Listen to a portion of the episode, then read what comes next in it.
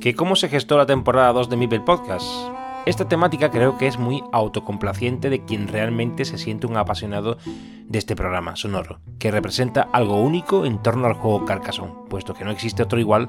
a fecha ya de 2023. Representa también un archivo muy realista del recuerdo sobre los pormenores de la creación de cada etapa sobre el podcast, para quien lo detenta, en este caso para un servidor y quiero con ello poner de relieve los obstáculos y la diversión de sentirse un aficionado de la creación de contenidos en algo tan peculiar como un juego de mesa, que siempre he terminado diciendo que es muy nicho, porque mira que hay juegos de mesa, y crear un canal sobre juegos de mesa ya es algo especializado, pero sobre un solo juego de mesa concreto es más complicado de encontrar. Creo que el ajedrez es el único que tiene ese poder. Precisamente de ese mundo vengo, y quiero demostrar que se puede hacer también con otros juegos como en este caso Carcassonne. Quiero poner de relieve, ya metidos en el ajo, que la preparación temporal de los capítulos, para darle seriedad al podcast, requiere de una planificación. Cuando vas a hacer un paréntesis por unas vacaciones, necesitas retomarlo un poco más allá de la vuelta de las vacaciones para contar con la organización de los episodios. No se puede volver en septiembre y publicar inmediatamente. Así que si uno se toma el mes de agosto de vacaciones, la vuelta del podcast tendrá que hacerse efectiva a mediados del mes de regreso, para que durante la primera quincena de ese mes se pueda grabar contenidos y editarlos previa publicación, a no ser, y aquí entra lo que me sucedió con la temporada 2, que ya los tenga grabados del mes previo a las vacaciones, o sea, dos meses antes de su publicación. Pros y contras de grabar mucho antes. Tenía un mes de septiembre cargadito de sorpresas, y tras la monumental acogida del podcast en la temporada 1, se generó cierta expectativa que me hizo darle aún más heridas a la preparación previa. Esto es que incluso hice un avance con cortes de cada entrevista y me propuse el reto de llevar el podcast a un escalón más alto, invirtiendo en algo que me encantaba, la música. Pero me costó horrores entender que por más que quisiera la música comercial no iba a poder incluirla, debido al coste tremendo que tendría, Investigué varias plataformas con música alternativa y finalmente me decidí por Artlist. No obstante, la inversión era importante y se me ocurrió la idea de compartir a la gente la posibilidad de gestar una promo para sufragar los gastos del canal, que no vendí de esa manera, sino que la vendí como algo extra por si te gustaba Mipel Podcast, algo así como un plus, y terminé llamando a esa intención Mipel Podcast Plus, lo que me llevó a encontrar la plataforma de Mumbler, y la verdad es que todo ha salido un poco rana. La acogida ha sido muy baja, con el hándicap de que además se tergiversaron mis intenciones, como si la pretensión fuera monetizar el podcast con apenas 50 o 60 oyentes mensuales, la plataforma no era tampoco la mejor y además generaba ciertos problemas de gestión, y el pago es cada 50 euros, y a fecha de la grabación de este episodio aún no he visto ni un duro. Pensé que Patreon era un rollo para podcast y me equivoqué, la gestión es excelente, hay varios métodos de suscripción y pude explicar con menos palabras y mejor lo que pretendía con esta iniciativa. Pero esto ya es cosa de la temporada 3. Ahora me centro en la temporada 2. ¿Y qué sucede con los primeros episodios?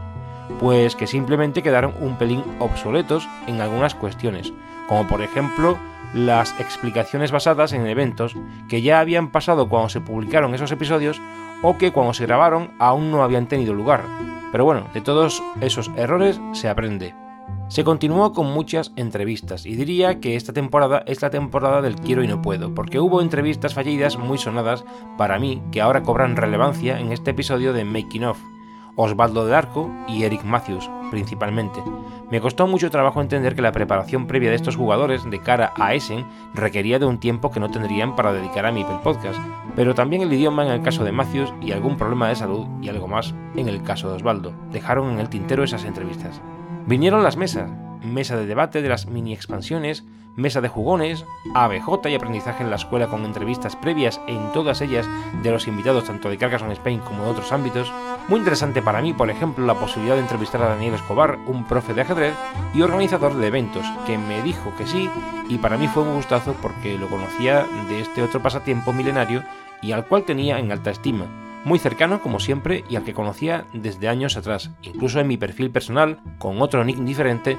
tengo vídeos en YouTube sobre mi participación y mi club de ajedrez en el torneo que organiza Daniel en Jerez de la Frontera. Crucial desde el final de la temporada 1, la incursión en Carcassonne.cat, con la puesta en liza durante la temporada 2 de entrevistas a David Bourdois, Dani Carolina García, Óscar Masabé, Nuria Casanovas y David III y la participación de varios jugadores catalanes en la festividad de Carcassonne en Carcassonne, uno de los episodios más divertidos para mí que tiene Mipel Podcast, de todos los publicados hasta la fecha. Incluyo también en todo lo anterior a los invitados valencianos, pero afincados en la ciudad condal de Siré y José. También he seguido con Carcassonne Spain desde el principio, con entrevistas a todos los siguientes jugadores, sobre todo cántabros, David Presmanes, Alberto Martínez, Mario Martínez, Rocío Muñoz, Pablo del Pino, Emilio Ortiz, David López, Javi de Juego y Eduardo Mazón. Y la presentación del primer espacio que viene para quedarse, el Rincón de Mipeldron, quiero dar notoriedad a este personaje único en todo el panorama carcasoniano, no solo en español sino mundial, gracias a su labor en la Wicca y en Carcassonne Central. Mipel Podcast forma parte de él y él ahora forma también parte de Mipel Podcast. La exposición entre la temporada 2 y la temporada 3 de los episodios relacionados con cada una de las expansiones mayores que proceden de ese magnífico episodio de 3 horas de la temporada 1, el episodio número 26, me sirvió de alivio temporal para no hacer grandes cosas durante las navidades, no cortar el podcast entre estas dos temporadas para no hacerlo parejo a las vacaciones estivales, pero sin duda me permitieron preparar el acceso posterior a Patreon y el salto a YouTube eso sí, he observado que la publicación dual por semana se me hace una obligación eterna porque requiere de mí mucho trabajo, y esto sigue constituyéndose como un hobby.